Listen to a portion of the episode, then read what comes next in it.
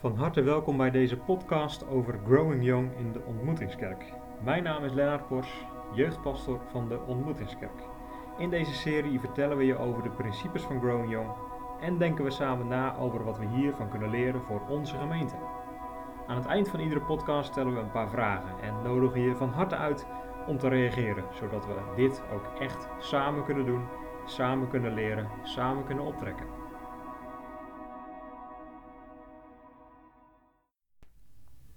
In deze eerste podcast vertel ik kort iets over wat Grown Young eigenlijk is. De volgende podcasts gaan vervolgens dieper op het onderzoek in.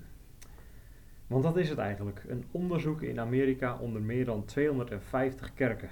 In tijden waarin kerken aan het vergrijzen zijn, vallen deze kerken op omdat ze wel in staat zijn om jongeren van 15 tot 29 jaar vast te houden.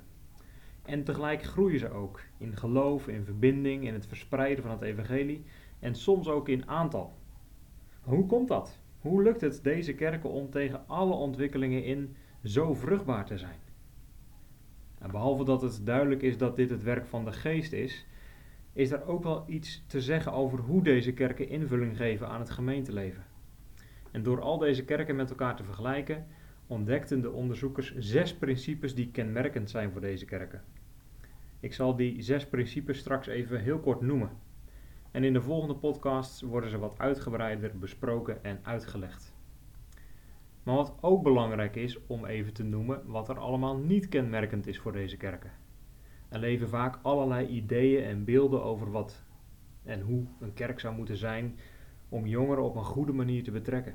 Veel van die beelden die blijken niet te kloppen. Het onderzoek zet 10 kenmerken op een rij die niet essentieel zijn voor het binden van jongeren aan de kerk. Allereerst is de grootte van de kerk niet belangrijk. Het is niet zo dat een kerk te groot kan zijn of te klein, of dat het aantal leden precies goed is. De kerken van het onderzoek hebben allerlei verschillende maten, van klein tot groot.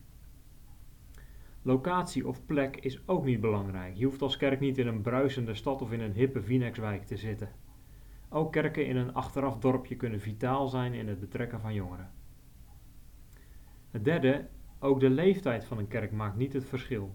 De kerk kan net gestart zijn of al tientallen jaren een geschiedenis hebben opgebouwd met allerlei tradities en gewoonten. Het vierde, het kerkverband waar de kerk bij hoort of juist niet bij hoort, is ook niet belangrijk. Het onderzoek heeft kerken gevonden van bijna elk kerkverband of denominatie. En ook van kerken die niet verbonden zijn met andere lokale kerken, dus losstaan van een breder verband.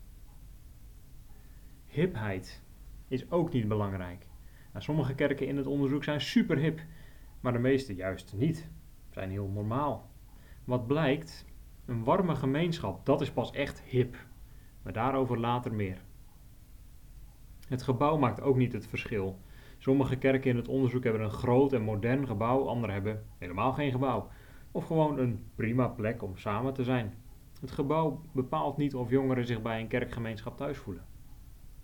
En datzelfde geldt voor geld.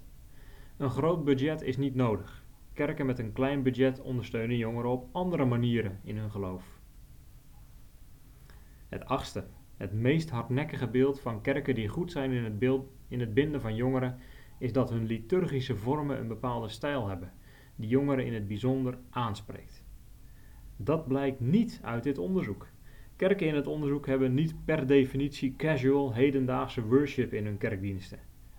Ze zijn er wel, maar er zijn ook kerken met een zeer traditionele stijl en vormgeving.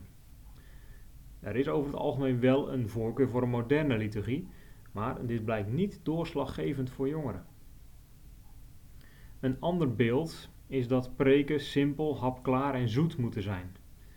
Dat is alleen niet wat uit het onderzoek komt. De radicaliteit van de boodschap van Jezus blijft in deze kerken vaststaan als een rots, inclusief de scherpe randjes. Ten slotte is ook het entertainmentgehalte van het jeugdwerk niet doorslaggevend. Jongeren hebben heel veel vormen van entertainment om uit te kiezen in deze wereld. Maar kerken die jongeren weten te binden, gaan daar de concurrentie niet mee aan. Maar wat dan wel? Wat is dan wel kenmerkend voor die vitale kerken waar jongeren graag bij willen horen en groeien in geloof? Het onderzoek onder meer dan 250 kerken van allerlei formaten en allerlei kerkverbanden leverde zes principes op die voor al deze kerken belangrijk zijn. Dit zijn ze, even heel kort. 1. Geef leiderschap door aan de jongere generaties. 2. Leef je in in de jongeren van nu. 3. Neem de boodschap van Jezus serieus. 4. Zorg voor een warme gemeenschap. 5. Geef in alles prioriteit aan jongeren en jonge gezinnen. En 6. Wees relevant voor de omgeving van de kerk. Deze zes principes leggen we verder uit in onze volgende podcasts. En daarin proberen we ook te ontdekken hoe we ze op onszelf kunnen toepassen. Waar zijn we al goed in? En waarin en hoe kunnen we nog groeien? Dat dus in onze volgende podcasts. Ter afsluiting van deze podcast nog een paar vragen om over na te denken.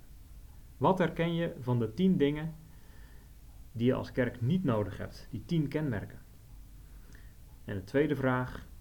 Welk van de zes principes is nu voor ons als ontmoetingskerk ons sterkste punt?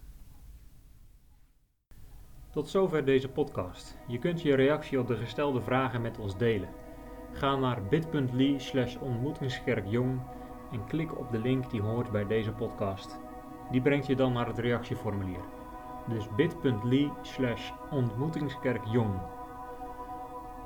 Jouw reactie is erg belangrijk voor ons. We willen een breed beeld krijgen over het jeugdwerk en ook zoveel mogelijk ideeën en toepassingen verzamelen om echt goed aan te kunnen sluiten bij wat er in onze gemeente nodig is.